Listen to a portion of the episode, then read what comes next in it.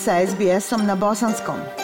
Pronađite još sjajnih priča na sbs.com.au kosacrta bosnijan.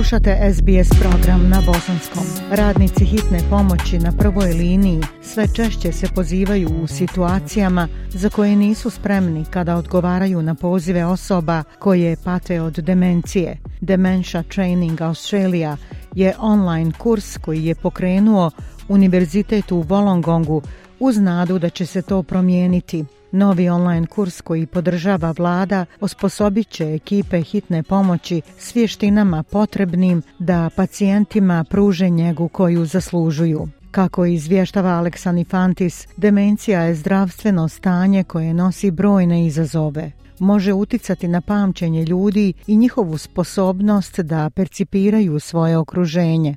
Mary Alsord, Voditeljica servisa Dementia Support Australia objašnjava neke od promjena koje ljudi koji pate od demencije mogu doživjeti. People can have sensory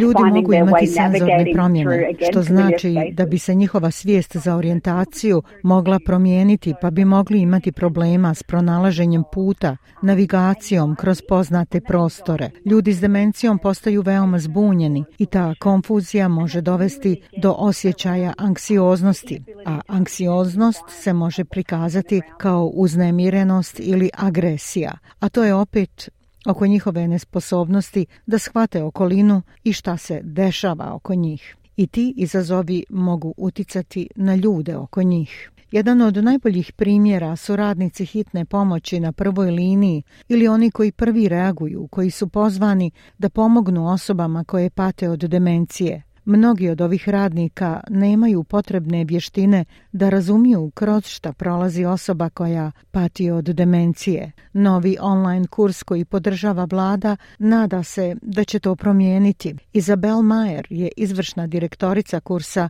Dementia Training Australia.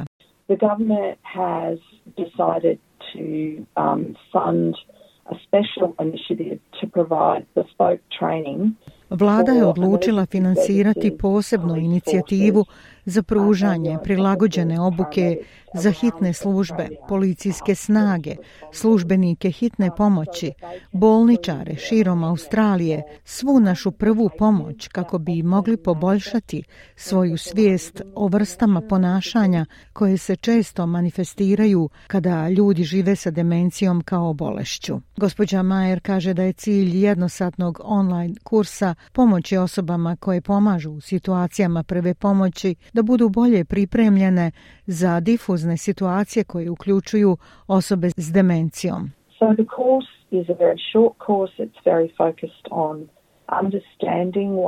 Kurs je vrlo kratak, veoma je fokusiran na razumijevanje onoga što se dešava s mozgom. Također je fokusiran na strategije deeskalacije, tako da prvi koji pružaju pomoć mogu ublažiti stvari, čuvati ljude od povreda i osigurati da osoba koja živi s demencijom bude zbrinuta.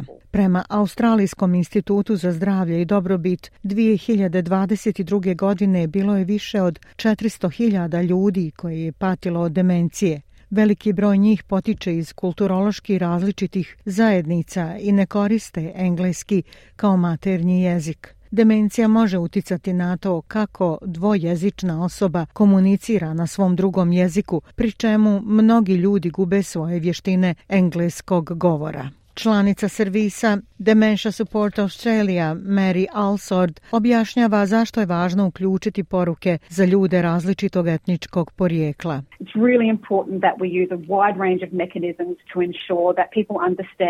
Stvarno je važno da koristimo širok spektar uh, mehanizama kako bismo osigurali da ljudi shvate da je moguće duže ostati kod kuće s demencijom i zato je zaista važno pomoći tim ljudima prije nego što dođu do svojih granica. Zato se te poruke dijele na drugim jezicima, a mi koristimo mreže naših zajednica da prenesemo te poruke.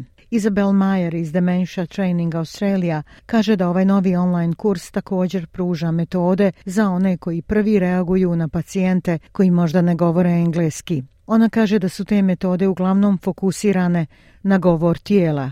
So one of the things that we've produced as part of the training that we're discussing is jedna od stvari koje smo izradili kao dio obuke o kojoj razgovaramo je vodič za komunikaciju prilagođenu demenciji koja ne ovisi o tome da li ljudi govore engleski jezik. Radi se o uspostavljanju odnosa jer nije čest slučaj da ćete naći čak i u ustanovama za stambeno zbrinjavanje nekoga ko govori njihov maternji jezik. Gospođa Majer dodaje da je prilično uobičajeno da ljudi različitog etničkog porijekla koji pate od demencije pokušavaju komunicirati govorom tijela. Ona kaže da se kurs bavi ovim pitanjem. Jedna od stvari koje naš kurs uči je da budete svjesni kada neko s demencijom komunicira s vama na neverbalan način, a naše iskustvo kaže da često ljudi koji ne govore engleski jezik koriste neverbalnu komunikaciju.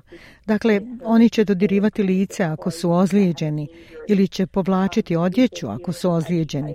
Ako se osjećaju uznemireno, mogli bi staviti ruke preko tijela, a naš kurs je dizajniran da obuči osobe na prvoj liniji da prepoznaju da je to zapravo oblik komunikacije i nešto na što će morati odgovoriti. Online kurs predstavlja prvu od nekoliko inicijativa Dementia Training Australia u nastojanju da proširi svoju ponudu kurseva, praktičnih resursa i ponude obuke.